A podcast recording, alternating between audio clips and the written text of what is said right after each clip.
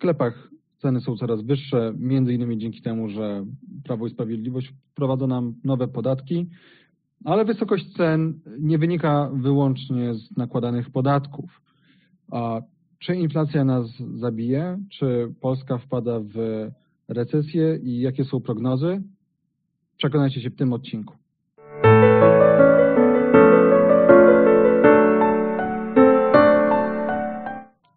Cześć wszystkim, witamy Was w kolejnym odcinku komentarzy Atlasa. Jest ze mną Tomek Kołodziejczuk. Cześć, witajcie. Ja nazywam się Ziemowit Gowin i dzisiaj właśnie porozmawiamy o kwestiach gospodarczych, kwestiach związanych z między innymi e, tym, co się dzieje na świecie, bo to też ma wpływ, z działaniem Narodowego Banku Polskiego, z e, działaniami polityków, e, no i z ogólną koniunkturą w Polsce, ale i w Europie i właściwie na całym świecie.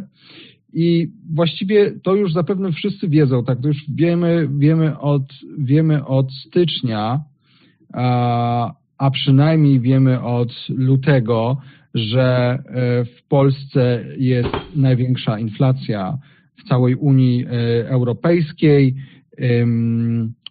W lutym wyniosła 3,6%. E, przed nami były Węgry, Czechy, e, Rumunia. Mm, no i tutaj, jak czytam na bankier.pl, inflacja w całej Unii Europejskiej wyniosła 1,2%, a w strefie euro 0,9%. Miesiąc wcześniej w szerszej wspólnocie odnotowano 0,3%, zaś w Unii Monetarnej minus 0,3%. Okres deflacji... To jest, e, oczywiście zaznaczmy, że to, że w kwietniu tak tyle wynosi inflacja, to nie znaczy, że o tyle zmieniły się ceny w miesiącu kwietniu, tylko to jest inflacja rok do roku w porównaniu do kwietnia tak. E, roku zeszłego. To znaczy ja teraz akurat mówiłem o inflacji, Tomek, o inflacji, e, o sytuacji z lutego, bo to jest, bo to jest informacja z marca, i właściwie mamy teraz piątek kwietnia, jak nagrywamy ten odcinek i mamy też informacje właśnie z kwietnia, tak jak mówisz. Jest 5 maja, a mamy informacje z kwietnia. Tak, i Polska e, ma tutaj, według Eurostatu, Polska ma 3, cieszy się e, inflacją na poziomie 3,2%, więc mamy pierwsze miejsce e, w Europie. Gratuluję. A w całej Unii średnia to jest 1,2. Przy czym, okej, okay, jakby moglibyśmy wprowadzić pokrótce słuchaczy w temat, czym jest inflacja, ale my mamy nadzieję, że nasi słuchacze już to wiedzą. E, inflacja jest mianowicie, no, według różnych definicji, e, zwiększeniem podaży pieniądza, które skutkuje zwiększeniem się cen dóbr. E, przede wszystkim konsumpcyjnych, ale nie tylko, bo to zależy od tego, jak tę inflację mierzymy. Jak już wspomnieliśmy zresztą, Ziemowit, pamiętasz na mm, odcinku o Bitcoinie, e, mówiliśmy o tym, wspomnieliśmy, że pieniądz jest e, mm, pośrednikiem wymian między dobrami. I teraz e, tego pieniądza jest pewna ilość. Tak? Jeśli mierzymy sobie mm, cenę zapałek na przykład, no to mierzymy ją relacji do pieniądza. Ta cena, nie wiem, 25 groszy, to jest w relacji do pieniądza. I teraz wyobraźmy sobie, że tych zapałek nagle robi się na świecie lub w Polsce dwa razy więcej. No to co się stanie z ich ceną? No one nie, nie, nie, nie wzrośnie, jeśli dobra jest tego więcej, jeśli e, jest łatwiej dostępne, tylko ta cena spadnie. I vice versa, jeśli zmienia się e, ilość pieniądza w obiegu, jeśli ta ilość nie wiem, wzrosła drastycznie w roku 2020, pokażę może wykres e, mm, podaży pieniądza ze strony NBP, to widzimy, że od 2000, e, od początku 2020 roku mamy wzrost o niecałe 30%. Mamy tyle więcej pieniądza w obiegu. Więc co się stanie z cenami? One nie będą statyczne, one będą musiały koniec końców rosnąć. Czy rosną tak szybko, jak e, pokazuje to ilość pieniądza w obiegu? No nie. Jakby no nie. Ta ilościowa teoria pieniądza e, nie działa w ten sposób, że e, czysto ilość podaży według różnych miar, są miary M0, M1, odwzorowuje się bezpośrednio w cenach, no ale na to ma, ma wpływ na wpływ cen od ilości pieniądza mają wpływ również inne czynniki, e, takie jak na przykład co się z tymi pieniędzmi potem dzieje, e, jak szybko one e, trafiają do obiegu. Mm, To jest też zresztą ciekawe, też wszedłem na stronę NBP i muszę pobrać Excela, ale dobrze, to sprawdźmy na przykład wskaźnik rotacji pieniądza dla dolara amerykańskiego. On jest obecnie bardzo niski. Czyli chodzi o to, że pieniądz wraca i przychodzi do banku centralnego na niespotykanie niskich e, poziomach. Ta statystyka jest podobna dla większości e, krajów zachodnich e, i w Polsce podobnie. Ona jest na historycznie niskich poziomach, więc tak jakby mamy wzrost ilości pieniądza mm, na rezerwach banku, w rezerwach banku centralnego i banków komercyjnych, poniekąd również tego gotówkowego, ale ten pieniądz tak szybko nie krąży w gospodarce, więc tak jakby te ceny się jeszcze nie zrealizowały. Więc mimo tego, że widzimy powiedzmy wzrost podaży pieniądza na poziomach no, kilkudziesięciu procentowych w skali roku, zarówno na e, dolarze, jak i na, jak i na złotówce, weźmy M1 e, dla, mm, czyli ilość podaży pieniądza dla dolara, ten wzrost jest jeszcze bardziej, jeszcze bardziej gwałtowny. Mm, Zobaczcie, zobacz, widziałeś taki wykres? Niespo, nie, nie, nie, mamy do czynienia z dru, z drukiem pieniądza na niespotykanych wcześniej, wcześniej e, poziomach, no ale tak jak mówię, on się nie odzwierciedla od razu ani bezpośrednio w cenach, dlatego e, mówimy o inflacji na poziomie e, O właśnie, tygodniowym 4%. to co, to co teraz y, pokazujesz, to jest ta liczba 4,3% to jest liczba z kwietnia, właśnie z- zgodnie z y, Tak, GUS-em w ujęciu rocznym inflacja cen y, konsumpcyjnych właśnie wzrosła o 4,3%. Mm, No i tutaj informuje czysta gospodarka.pl, że mediana prognoz analityków dotyczących kwietniowej inflacji była wysoka i wynosiła 4%. No więc jak widać jest to więcej niż e, ta e, prognoza. E, No a już powiedziałeś także w marcu, czyli miesiąc, czyli niecałe dwa miesiące temu to było 3,2%, więc, więc właściwie to te, teraz tak, tak się zastanawiam, czy to znaczy, że no bo wiemy, że na inflację wpływają różne e, czynniki. E, Tutaj się podaje, że jeżeli chodzi o e, ten wzrost kwietniowy, to tutaj ma on być napędzany wyższymi cenami paliw i żywności na świecie. E, Tutaj cytat z analityków banku Millennium. E, Czynnikiem najsilniej wpływającym na wskaźnik inflacji e, CPI były ceny paliw, które w kwietniu tego roku były o ponad 1 czwartą wyższe niż przed rokiem. To efekt silnie rosnących cen ropy naftowej, które obecnie są blisko trzykrotnie wyższe niż w czasie pandemicznego dołka w kwietniu ubiegłego roku. No i tam też wspominają właśnie o tej inflacji cen żywności, ale ja się zastanawiam, no właśnie, no i, no i oczywiście jakby dalej przodujemy niestety nie tam, gdzie byśmy chcieli e, w Unii, jeżeli chodzi o e, tę inflację. Ja się, ja się zastanawiam, kiedy e, jakbyś mógł na sekundę wrócić do tego wykresu, jeżeli go jeszcze masz z tą podażą pieniądza, co tak wystrzeliwuje nagle. Ja się zastanawiam, kiedy to zaczniemy odczuwać. To znaczy, jeżeli ten wzrost w 2020 roku był tak ogromny, mm, to zastanawiam się, w jaki sposób przełoży się to e, na w ogóle sytuację mm, cenową, na też na siłę złotówki, tak? A wiemy, że złotówka jest obecnie najsłabsza e, od, od lat, tak? Z końca marca euro to prawie 4,65 4 zł i 65 e, groszy, frank ponad 4 zł i 20 e, groszy, dolar prawie 4 zł. To jest jeszcze raz e, informacja z końca e, marca. E, No i ja się zastanawiam, jak ty to widzisz, to, to znaczy się za- zastanawiam, na co liczy Narodowy Bank Polski, to znaczy, czy ten wysyp pieniędzy, e, czy on jest tak krótkowzroczny, czy oni liczą na jakiś cud? I to nie chodzi mi o to ak- akurat, żeby wchodzić w ich głowy, bo tego nie możemy zrobić, ale, ale żeby się zastanowić, czy to, to zabrzmi śmiesznie, czy to obiektywnie ma jakieś uzasadnienie, ma jakąś rację bytu.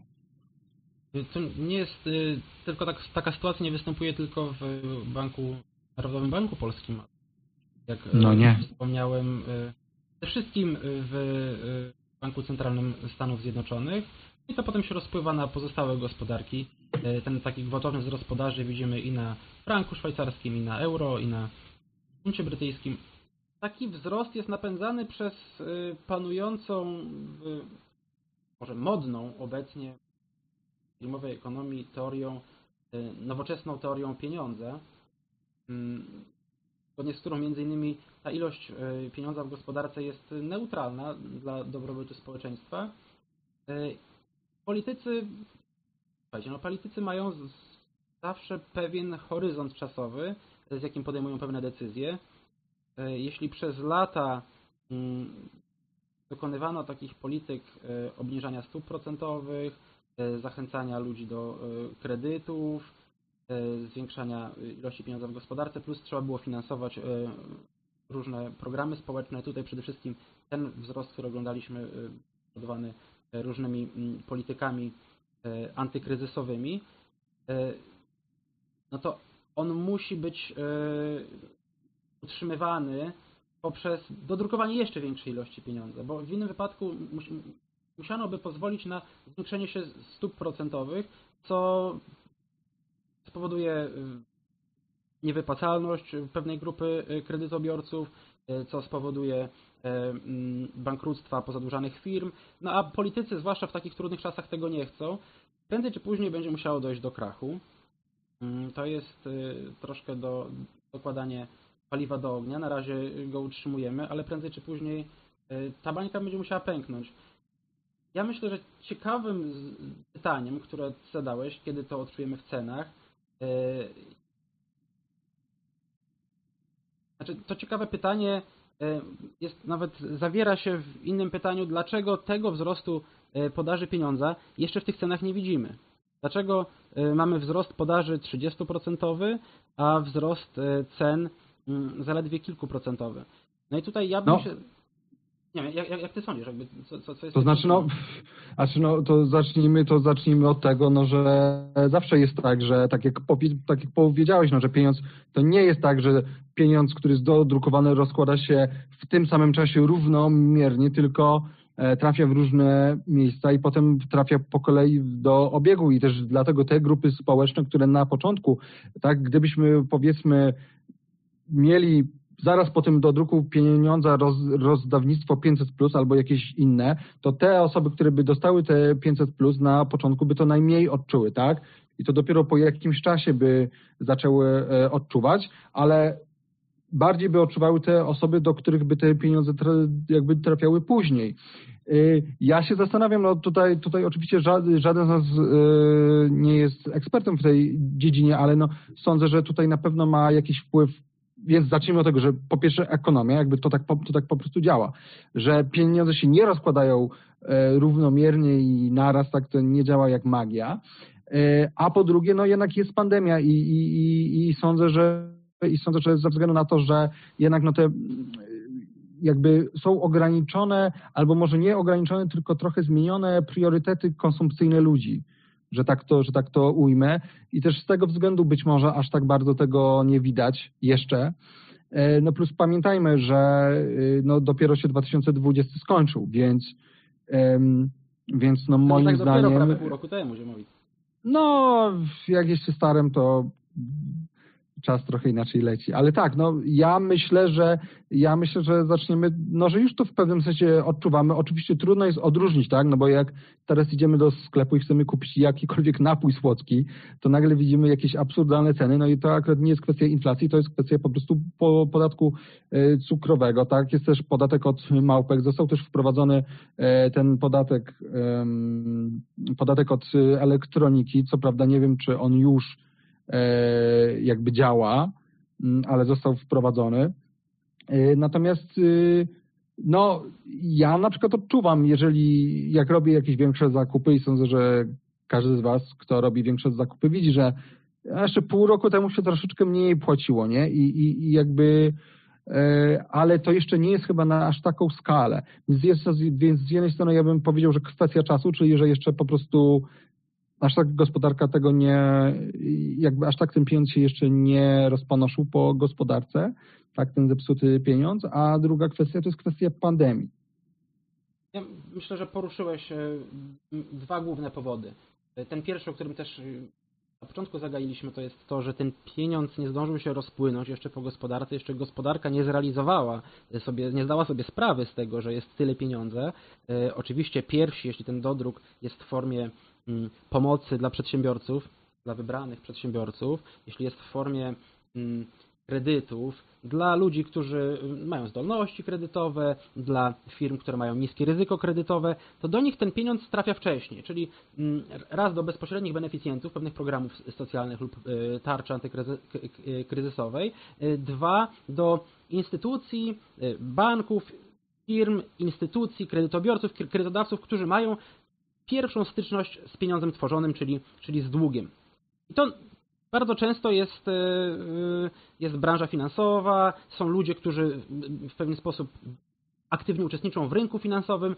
E, To jest niewielka grupa osób, którzy później te, te pieniądze wydają w sklepach, po- powodują to, że sklepy niejako zdają sobie sprawę z tego, że tego pieniądza jest więcej i zaczynają e, podnosić ceny. Więc mamy do czynienia z tak zwanym efektem Cantillona, który powoduje e, wręcz nierówności, ponieważ po tej piramidzie spływania nowego pieniądza ci, którzy wcześniej ten pieniądz dostają, e, są na korzystnej pozycji, ponieważ mają ten pieniądz wcześniej. Bank centralny w ten sposób ilościowo powoduje nierówności w społeczeństwie, ale nie tylko ilościowo, ale też jakościowo, bo e, wie, wiele, jakby ogromna część tego nowego pieniądza jest dysponowana w sposób polityczny. E, To państwo, to banki, bank centralny e, decyduje, komu udzielić kredytu, w które miejsce przesunąć nowy pieniądz, powiedzmy w formie sprzedanych obligacji BGK lub PFR-u. Więc mamy do czynienia z, z, z takim ilościowym i jakościowym zakłóceniem informacji rynkowej o ilości pieniądza. Dlatego ta inflacja jeszcze się nie pokazała w cenach, bo jeszcze się ten pieniądz nie rozpłynął. A dlaczego się nie rozpłynął? Bo i tutaj do- dochodzimy do drugiego, y, powiedzmy, powodu, mm, bo musimy spojrzeć na to, mm, gdzie on na początku trafia. Tak jak mówiłem, na początku trafia do y, kredytobiorców. W Polsce y, najwięcej kredytu idzie w formie kredytu inwestycyjnego lub nieruchomościowego. No i spójrzmy na to, co się dzieje z cenami nieruchomości. Tam, tam y, mm, jakby te ceny rosną. Spójrzmy na to, co się dzieje z akcjami, chociażby, nie wiem, Tesli, zobaczmy, nawet mam gdzieś wykres. Tesli, Amazona, Facebooka, te ceny rosną. Ceny dóbr, które, czy kryptowalut chociażby, też mam gdzieś tu wykresy. Ceny, ceny dóbr, y, które nabywają ludzie mający wcześniejszy dostęp do pieniądza, one rosną. Nieruchomości, akcje, kryptowaluty. Więc, a dlaczego nie rosną ceny, ceny rzeczy w Biedronce? Bo ci ludzie mają późniejszy dostęp do pieniądza. A ten wskaźnik CPI, którym y, dziennikarze nas raczą, którym, którym, który zgłasza GUS do Eurostatu, y, on polega na wybraniu średniego koszyka konsumpcyjnego obywateli, czyli co zwykły człowiek, ile tam właśnie paliwa kupuje, ile jajek, ile, ile wody i na tej podstawie liczy, ile ten średni koszyk y, zmienia się rok do roku. Rok do roku też zmieniany jest ten koszyk. I mierzymy inflację wskaźnikiem, który zależy od zakupów, nie biorąc pod uwagę tego, że te zakupy będą i bardzo zależą od, e, od przewidywanej ceny pieniądza w przyszłości. Czyli ten, ten koszyk zakupów, jeśli będziemy mieli do czynienia z inflacją 20%, on się diametralnie zmieni e, z roku na rok, a będziemy używali starego CPI. Więc to nie jest miarodajna miara. Jest kilka alternatywnych miar, jak tę inflację można zmierzyć, żeby powiedzieć, że ok, średnio 4%, yy, i one raczej yy, mówią, że ta inflacja jest dużo wyższa. Czyli, czyli w takim razie byś, suger, byś sugerował, że to nie jest 4,6%. Zimowit, dla ciebie może jest 4,6%. Jeśli powiedzmy nie jeździsz dużo samochodem, nie wydajesz na paliwo, w którym, yy, którego ceny, jak wspomniałeś, wzrosły. Ale dla inwestora, który jest w stanie sobie pozwolić Znaczy- na, na duży kredyt i inwestuje go w nieruchomości, kupuje kryptowaluty, kupuje akcje, to dla niego ten koszyk zakupowy e, jest, jest dużo droższy. On odczuwa No tej ceny paliwa mają wpływ na ceny produktów w sklepach. Oczywiście, musimy Bo jednak jest cały łańcuch dostaw, i- który jest trochę od tego uza- uzależniony. Ale tak, jakby rozumiem, rozumiem, rozumiem o co ci chodzi. Yy, No dobra, ale no to w takim razie jakby ja mam takie pytanie, to jest szczere pytanie, yy, czy jesteśmy w przeddniu jakiejś katastrofy? Ja mówię zupełnie serio. To znaczy, jeżeli widzimy ten wykres, który pokazałeś, tak, gdzie tak wystrzeliła podaż a, pieniądza, to czy jesteśmy w przeddniu katastrofy? No bo to musi mieć konsekwencje. Wszystko ma jakieś e, konsekwencje. Każde działanie, tak? E, Jeżeli powiedzmy e, użyję jednej zapałki do rozpalenia, nie wiem, ogniska, tak? Zapewne mi to nie wyjdzie, ale no, będzie tam jakiś ogień. Jak użyję ich tysiąc, to będzie o wiele, o wiele większy, więc na tej samej zasadzie, tak? Jeż- jeż- Jeżeli ta podaż jest aż tak wielka, jak właśnie tutaj widzimy na wykresie, to czy to oznacza, że czekają nas mimo i wiecie, i co jeszcze dodajmy te wszystkie e, kwestie socjalne, zad, zadłużenie, nowe podatki. Czy czeka nas takie dociśnięcie, jakiego wielu z nas nawet nie odczuło na swojej skórze, będąc ludźmi dorosłymi?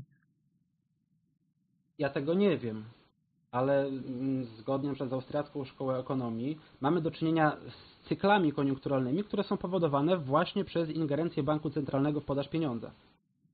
Jak widzimy, ta podaż została bardzo zaburzona w ostatnim, e, e, w ostatnim roku, e, więc jeśli dojdzie do zamknięcia cyklu i te ceny będą musiały się zrealizować, nastąpi pewnego rodzaju urynkowienie stóp procentowych, no bo nie, będzie, nie będziemy w stanie ciągnąć takiej polityki zerowych stóp procentowych w nieskończoność.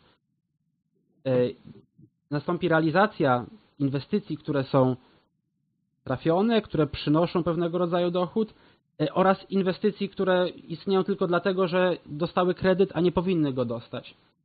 To się wydaje, to się wydaje, mm, no okej, nastąpi realizacja i co dalej, ale każdy z, ka, ka, każda z mm, ilościowej lub jakościowej ingerencji y, państwa w mm, politykę monetarną, jakby, no, polityka to jest jakby ingerencja y, państwa, ale każda zmiana, zwłaszcza jeśli ona jest nieprzewidywana, powoduje y, alokację kapitału w miejscach, które niekoniecznie są produktywne. Więc prędzej czy później rynek będzie musiał zdać sobie z tego sprawę i pieniądze za- zaczną być wyciągane. Albo właśnie z napompowanej Tesli, która jest napompowana no między innymi stimulus czekami, y, albo może właśnie z walut. Ja na przykład y, bym, dla mnie nie tyle ciekawym jest pytanie, kiedy dojdzie do takiej korekty rynkowej, y, ale na przykład na czym ona się wcześniej zrealizuje. Czy ludzie stracą zaufanie do waluty państwowej i przestaną trzymać oszczędności lub nawet rozliczać się nią, czy y, prędzej zdadzą sobie sprawę, że y, okej, może takie firmy jak Tesla są droższe niż powinny być, może nieruchomości są nieco za drogie i zaczną uciekać do gotówki. Y, Nie wiem, co nastąpi, nie wiem, co nastąpi wcześniej, ale jakby widzimy mm, kilka jest takich wskaźników. No między innymi ten inflacji, który jest nieco opóźniony, ale już zaczynamy sobie zdawać sprawę z tego, że ona rośnie i coraz częściej na bankier czy na 300 gospodarka.pl pojawiają się o niej informacje. Te wskaźniki wskazują na to, że mamy do czynienia z dość nietypowym okresem e, na rynku pieniężnym. I teraz, kiedy ta rotacja pieniądza wróci do e, poziomów przedpandemicznych, kiedy gospodarka zacznie sobie zdawać sprawę z tego, że jest o 30-40% e, więcej pieniędzy niż było rok temu, no to wtedy prawdopodobnie możemy mieć do czynienia z, z może niekoniecznie hiperinflacją, ale z czymś tego typu, z, z przetasowaniem e, alokacji kapitału. Co on ucieknie? No, ciężko stwierdzić. Pamiętajmy, że taki kryzys to nie, niekoniecznie to nie będzie kryzys e, e, materialny. Jakby, jeśli przyjdzie kryzys finansowy, to nie będziemy mieli do czynienia nie wiem, ze spalonymi fabrykami czy e, z masowymi nie wiem, zgonami ludzi. Mm, Może kiedyś, może kiedyś pośrednio, ale będziemy mieli przesunięcia kapitału e, z miejsc, nie wiem, typu nieruchomości, akcje do miejsc typu może gotówka, może kryptowaluty, może złoto, m, może ziemia. No i w związku z tym wiele ludzi będzie musiało, nie wiem, zmienić pracę, będzie musiało zmienić swoje nawyki. jeśli ludzie zaczną sobie zdawać sprawę z tego, że ten pieniądz to ma pewnego rodzaju też sprzężenie zwrotne, bo kiedy ludzie zaczną sobie zdawać sprawę z tego, że ten pieniądz w przyszłości, ten pieniądz za rok mm, będzie mniej wart niż on jest teraz, to będą uciekać, będą lokować ten pieniądz, nie wiem, właśnie w jakieś alternatywne aktywa, czym tym bardziej będą powodować dewaluację tego pieniądza. I wtedy może No tak, ale to mówisz-. O jakim procencie ludzi w skali kraju, to obawiam się, że to będzie niewielka liczba ludzi, tak? No, zacznie jest tak, się że od nagle- niewielkiej, zacznie się od niewielkiej, prawdopodobnie już się zaczyna. No tak, ale ja wątpię, żeby pani Krysia ze, ze sklepu pomyślała, a to teraz zacznę kupować złoto, tak? A, Może nie tyle zacznie kupować złoto, ale kiedy zobaczy, że e, ojeju, y, chleb, może konserwy drożeją o 20% miesięcznie, to kupię tych konserw już teraz, już teraz na przyszłość, po co mi ta gotówka? A zauważy, że mm, Polska, e, polscy obywatele, e, przynajmniej na tle e, obywateli Unii Europejskiej, e, ma dość e, tradycyjne podejście do zarządzania finansami osobistymi, że tak powiem. I, To znaczy? To znaczy, że ludzie są przyzwyczajeni do trzymania pieniędzy w skarpecie, na lokatach, do kupowania obligacji państwowych lub ewentualnie taką, za taką bardzo radykalną, odważną i progresywną, progresywne zachowanie na rynku uważa się inwestycje w nieruchomości. Ludzie, ale większość, jakby może nie, nie znam statystyk, ale e, pewnie każdy z Was, słuchaczy, ma jakiegoś wujka lub znajomego rodziców, e, ludzi, którzy są w wyżu tej piramidy demograficznej polskiego społeczeństwa, którzy trzymają swoje oszczędności w skarpecie. Którzy, tak jak pani Jadzia, które jeśli mają jakieś oszczędności, to prawdopodobnie one leżą na koncie, leżą gdzieś e, pod poduszką, e, ewentualnie w nieruchomościach. Te, te pieniądze, one tracą na wartości z roku na rok. I dopiero wtedy, kiedy bankiet czy ta gospodarka będą nas co tydzień i coraz częściej raczyły informacjami o inflacji, no to ludzie będą się może zaczęli zastanawiać, co w takim razie z dobra. tymi pieniędzmi zrobić. A trochę się cofając, bo się zastanawiam, y, jak długo w takim razie y, NBP będzie, będzie utrzymywał y, te niskie stopy procentowe? To znaczy, kiedy, kiedy, kiedy uznają, no, że kurczę, że jakby tego się już nie da robić? No bo to, to jest takie trochę kluczowe pytanie. Mm, Kiedy, kiedy nagle przedsiębiorcy się ogarną, że no bo ja się zastanawiam, tak, no bo jest różnica między panią Jadzią a przedsiębiorcą, który wydaje się, że powinien widzieć, że no, stopy są utrzymywane w sposób sztuczny na niskim poziomie i że jednak tak naprawdę yy, no, tego pieniądza jest bardzo dużo, no i że w końcu to pęknie, tak?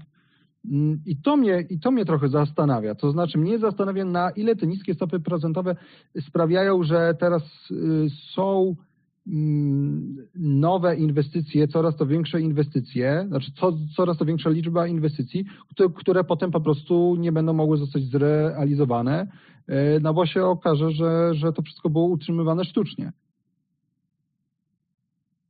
Zdaniem y, mainstreamowych ekonomistów najprawdopodobniej, bo słyszymy wypowiedzi czy Jerome Powella, czy Janet Yellen, będziemy kontynuować y, politykę luzowania ilościowego. Zresztą pan Glapiński również y, chwali się, że gotówki mają nieprzebrane ilości. I zdaniem y, możemy w nieskończoność powiększać chyba ilość pieniądza i y, kierować je do gospodarki, stymulować, aby pozaciągane kredyty zostały poopłacane, aby był cash flow, aby ludzie... No tak, ale to przecież wiadomo, że jak są niskie stopy procentowe, no to będzie co, coraz więcej tych, e, tych e, kredytów, tak? Coraz właśnie, no. więcej inwestycji. To, to, ja, ja, wiesz co, nie wiem jakby... Raz, że ciężko przewidywać, dwa, że y, nie jestem też specjalistą w tej teorii ekonomicznej, ale myślę, że to musi być powiązane czasowo właśnie z tą realizacją y, społeczeństwa mm, na temat ilości pieniądza. Mhm.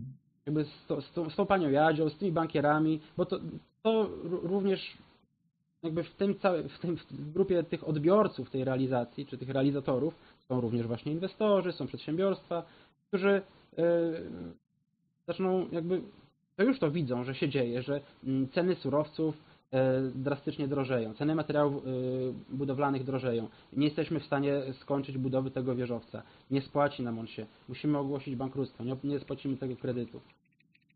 Czyli, czyli, że w takim razie tak naprawdę te super niskie stopy procentowe niewiele tutaj zmieniają, tak? No, A, a, do, dobra, to może inaczej.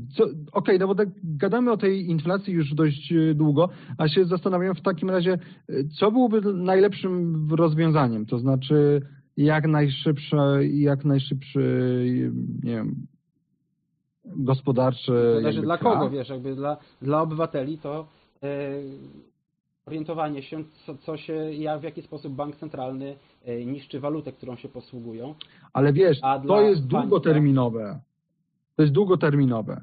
no to a, jakby ja, ja jestem zdania, że im wcześniej e, dojdzie do pęknięcia bańki, tym ta bańka będzie mniejsza i e, skutki takiego załamania będą łagodniejsze. Im Tak. dłużej będziemy to pompować, tym więcej będziemy, będziemy w międzyczasie, społeczeństwo będzie lokowało e, kapitału w nietrafione inwestycje, e, będzie e, zmuszone do e, konsumpcji e, w porównaniu do oszczędzania. No bo po co oszczędzać, zwłaszcza w walucie, jeśli e, mamy do czynienia z taką inflacją. Zobacz, jak bardzo mm, polityka monetarna państwa wpływa na preferencję czasową ludzi, a więc to, co robią z tymi pieniędzmi, czy wydają je na dobra konsumpcyjne, no bo one prędzej czy później wzrosną, czy może będą je oszczędzać, bo lepiej się zabezpieczyć przed niepewną przyszłością. Tyle, że no, dzisiaj e, ta przyszłość jest bardziej niepewna, bardziej niepewna od przyszłości e, takiej materialnej jest przyszłość tego zaufania do, mm, do pieniądza. No, to akurat to się zastanawiam, jakby, jakby, jakby to obliczyć właśnie, właśnie w skali całego społeczeństwa z tym zaufaniem, bo ja jednak mam chyba mniej optymistyczne spojrzenie na społeczeństwo niż ty. To znaczy, ja się zastanawiam, czy w ogóle przeciętny Polak, ile, albo inaczej, ile procent ludzi w Polsce, dorosłych obywateli, wie w ogóle, co to jest inflacja. I tutaj się zastanawiam mm, jednak nad, y, nad jak, jak, jakąś taką podstawową świadomością ekonomiczną, czy ona w ogóle istnieje, bo no bo przecież mamy na przykład weźmy program 500 już pomijając kwestie moralne, tak, czyli że jest to nieetyczne, e, to niemal wszyscy, niemal wszyscy poza wolnorynkowcami, przynajmniej tymi prawdziwymi, bo są też wolnorynkowcy, którzy są za e, 500 środowisko oczywiście w stylu PiSu, tak, takie prawicowe, ale etatystyczne, ale nawet ta, takie środowiska takie liberalne, liberalno, liberalne takie w stylu Gazety Wyborczej mówią, że 500 plus to jest program, słuchajcie, e, cywilizacyjny. A przecież wiemy doskonale, że 500 plus nie może działać, właśnie nie może działać ze względów czysto ekonomicznych. E, I musi być e, albo podwyżka, e, albo nowe podatki, albo zwiększona, albo podwyżka jakby tych podatków, które już są, yy, no albo dodruk pieniądza, właśnie, albo inflacja. Więc ja się zastanawiam, jakby nie chcę teraz gadać o y, 500, bo oczywiście pewnie o 500 jeszcze będziemy mieli okazję rozmawiać, jak będziemy bliżej wyborów, y, wyborów parlamentarnych następnych, kiedy, kiedy on, one będą, czy za dwa lata, czy może trochę wcześniej, e, bo na pewno będzie temat rewaloryzacji 500, ja już o tym mówię od jakiegoś e, czasu. Natomiast się zastanawiam, jakby jaka jest w ogóle świadomość spo, społeczna, zwłaszcza, że i dziennikarze, i publicyści, e, no i politycy zdają się w ogóle nie zwracać uwagi, oczywiście poza niektórymi politykami, nie, nie zwracać uwagi na te takie powiedziałbym podstawowe aspekty ekonomiczne, czy podstawowe nawet nie prawa, ale takie jakieś oczywistości. Pytasz, czy, ludzie są wyedukowani ekonomicznie? No, bo zdaje się, że jakby ty takie trochę mam wra- wrażenie z tego, co ty mówisz, tak, że, że ludzie zaczną e, się jakoś zachowywać w jakiś taki bardziej racjonalny sposób, ale mnie się wydaje, że że zanim, że jakby nie zdążą, że społeczeństwo nie zdąży się, że tak powiem, brzydko ogarnąć e, przed pęknięciem tej bańki. No na pewno wszyscy jednocześnie sobie z tego sprawy nie zdadzą. Życzę temu, żeby nasi słuchacze e, byli tymi pierwszymi e, i że zdążą uciec z tonącego statku. Mam nadzieję, że ten statek kiedyś utonie. A ci ludzie, którzy się rzeczami ekonomicznymi nie interesują, prędzej czy później ekonomia zainteresuje się nimi. Będą świadkami wzrastających cen, zresztą już są. Dopiero Już teraz. No, dopiero teraz z, z, z, zaczynają o tym rozmawiać, kiedy mm, dobra takiego pierwsze, pier, pierwszego rzędu konsumpcyjne y, w Biedronce czy Żabce zaczynają drożeć. Większość nawet ludzi przecież nie robi klasycznego domowego budżetu w Excelu. Nie, nie porównuje sobie tych cen sprzed roku czy sprzed pięciu lat, ale tak na pamięć. Y, I rzeczywiście ta, ten wzrost nie był taki wysoki y, w ostatnich latach. Cen takich wspólnych, konsumpcyjnych, ten koszyk CPI średniego obywatela. No jak widzimy, GUS zmierzył y, 4-3%. No ale jak widać, powoli zaczyna chyba przebijać pewien próg świadomości społecznej, bo coraz częściej, ja sobie sprawdziłem w Google Trends, hasło inflacja jest też coraz częściej wyszukiwane. Ekonomia się prędzej czy później o ludzi upomni, y, a im wcześniej sobie zdadzą sprawę z tego, że są na każdym kroku, to powiem, dymani y, przez no, państwo i bank centralny, które po prostu psuje pieniądz, żeby finansować swoje mm, polityczne programy, programy propagandowe, kierowanie pien- pieniędzy publicznych, wybrane politycznie y, działy gospodarki do wybranych firm. Tak zwane transfery socjalne. Im wcześniej sobie ludzie zdadzą z tego sprawę, y, mam nadzieję, że dla, dla społeczeństwa będzie tym lepiej, bo być może dojdzie do takiego momentu, że y, obywatel nie będzie miał na tyle autonomii, aby podejmować jakieś decyzje o zniesieniu swoim, swojego kapitału, bo na przykład zostanie wprowadzony pieniądz, centralny pieniądz cyfrowy, CBD, lub y, będziemy mieli do czynienia z jeszcze większą kontrolą urzędów skarbowych w rachunki bieżące, nasze konta bankowe, limity na przykład na przelewy lub informowanie urzędu skarbowego o coraz bardziej podejrzanych operacjach, które dzisiaj może jeszcze podejrzane nie są, ale już niedługo, kiedy ja tobie prześlę powiedzmy wojna, vice versa, to może ktoś się tym zainteresuje. Mm, Więc y, mogą takie czasy nadejść, że państwo zda sobie sprawę, że okej, nie chcemy y, podwyższać stóp procentowych, nie chcemy doprowadzić do jakiegoś krachu finansowego, y, więc w jaki sposób rozwiązać taki problem y, również długu publicznego, wielkim resetem. Nie chcę wchodzić w teorie spiskowe, czy no, nawet nie jest teoria spiskowa, ten wielki reset to jest hasło przewodnie Światowego Forum Ekonomicznego. O czym już mówiliśmy z Mateuszem w jednym odcinku, tak. Jak- zresztą widać po e, oficjalnych dokumentach czy stenogramach e, ze spotkań, chodzi o właśnie przemodelowanie systemu finansowego, aby, aby utrzymać e, taki dramatyczny gospodarzy i polityczną alokację kapitału. No tak. To już może, to już może w takim razie tak na koniec. Rada dla naszych słuchaczy w takim razie, tak? No bo to, co zrobi społeczeństwo, na to nie mamy bezpośredniego wpływu, ale może coś komuś możemy doradzić, y, mimo że sami nie jesteśmy raczej rekinami biznesu, tak? Bo nie tym się zajmujemy. Ja nie wiem, jak jest na E, polskim rynku, bo w e, angielskich podcastach zawsze przy takich e, rozmowach jest formułka This is not a financial advice. Prawdopodobnie tam trzeba mieć jakąś licencję może w tym U nas chyba kraju. też, bo wiem, że, bo wiem, że Wapniak na Beto też zawsze podkreśla, że, że nie jest e, specjalistą, więc my też nie jesteśmy specjalistami, nie doradzamy. Nie doradzamy. Nie doradzamy.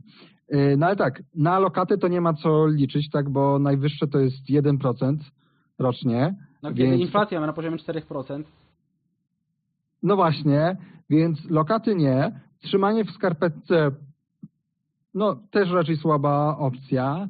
Yy, No nie wiem, to może faktycznie, bo teraz wielu, wielu Polaków zaciąga kredyty i kupuje nieruchomości i, i to mi się wydaje nie najgłupsze, jeżeli, jeżeli mam być szczery. Em, jeżeli mam być szczery. E, No ale tak, no nie, nie każdego stać na, stać na mieszkanie. Mnie na przykład nie stać. Um, więc tak się zastanawiam, co byś, co, co ty byś zrobił? Ja osobiście hmm, kupowałbym bitcoina. Mm. No ale to może być dla niektórych zbyt radykalne, zbyt nowatorskie podejście. Wiadomo, że nie każdy może sobie mm, pozwolić na taką akceptację ryzyka. e, młodsi ludzie sobie pozwolić na więcej szaleństwa e, w takiej alokacji kapitału. Mm. Jedno co wiem, to odradzałbym, gdybym miał dużo e, gotówki, która nie pracowałaby, znaczy nie byłaby e, zainwestowana w akcje jakiejś firmy lub jakiś startup, przedsiębiorstwo lub po prostu nie prowadziłbym jakiegoś e, biznesu, który budowałbym za swoje pieniądze, to bym się tej gotówki pozbywał. Samo, samo to 4% e, we- według CPI, według GUS-u, to już jest wystarczająca zachęta, aby, aby nie trzymać oszczędności w tej formie. Pamiętajmy, że żyjemy w d- 2021 roku. To nie jest tak, że, że mamy albo gotówkę, albo sobie za to kupimy, nie wiem, e, ryż, czy wół, czy ziemię i, i trzymamy i musimy martwić się, jak to potem sprzedać, tym nie zapłacimy. Mm, Możemy sobie kupić akcje takie Tesli, czy, czy, czy, czy gdzieś na giełdzie za pomocą kilku kliknięć y, w aplikacji i sprzedać również możemy za pomocą kilku kliknięć. Podobnie z kryptowalutami. Ja- bym radził y, lokować, lokować, przenosić swój kapitał y, w miejsca, które mm, są a inflacyjne, czyli nie, nie będą rosły wraz ze wzrostem ilości pieniądza, bo niektóre y, rzeczy, na przykład firmy zombie rosną, jak na przykład kryptowaluty i w rzeczy, które są szybko, łatwo zbywalne. Akurat na przykład takie złoto, czy ziemia, czy nieruchomość nie jest tak łatwo zbywalna i gdybym potrzebował tej gotówki, y, zawsze dobrze mieć jakoś na wszelki wypadek, no to tak szybko tej y, ziemi nie sprzedam, więc y, ja gdybym miał pieniądze, to bym kupował bitcoina. No, tak, tylko to faktycznie to już trzeba mieć troszkę więcej pieniędzy. Ja, ja, bym, ja bym sugerował inwestować w siebie. To też nie A to podlega prawda, to, inflacji. też, to, to, to zawsze, Więc to. Kursy, kursy, książki i myśleć o wyjeździe z tego West dołu. Um, no dobra, tym średnio optymistycznym akcentem już możemy skończyć. Dziękujemy Wam za słuchanie. E, Tomek Kołodziejczuk i Ziemowit Gowin. Dziękujemy kochani. E, Jak wiecie, my nie jesteśmy doradcami finansowymi, ani nawet ekspertami ekonomicznymi. E, Komentujemy wydarzenia z kraju i ze świata dla Was w jakimś kontekście e, ideowym. Podcast jest wciąż w takiej początkowej fazie rozwoju, więc liczymy na Wasze uwagi, komentarze. Nie zapomnijcie subskrybować na podcast.obiektywizm.pl. Możecie nas znaleźć na większości platform podcastowych. Mm, Jest tam seria Komentarz Atlasa, Klasa Atlasa, już niedługo wjadą kolejne serie podcastowe. E, No i tyle. Mamy nadzieję, że dobrze Wam się tego słucha. Łapki w górę. E, Kontakt do nas, e, na przykład na dole w belce macie mojego Twittera, kolotom99, można napisać. Ziemowi też czyta zawsze komentarze na YouTubie.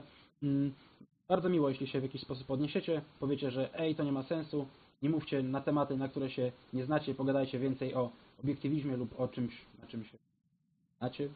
E, No ale ten podcast jest dla Was i mamy nadzieję, że usłyszymy również jakieś e, słowo zwrotne. Ja się podpisuję po tym, co powiedział Tomek. Może tylko dodam, że coś tam czytamy, coś tam wiemy. E, Nie tylko na tematy filozoficzne, nawet jak nie jesteśmy ekspertami. Trzymajcie się, hej! Cześć.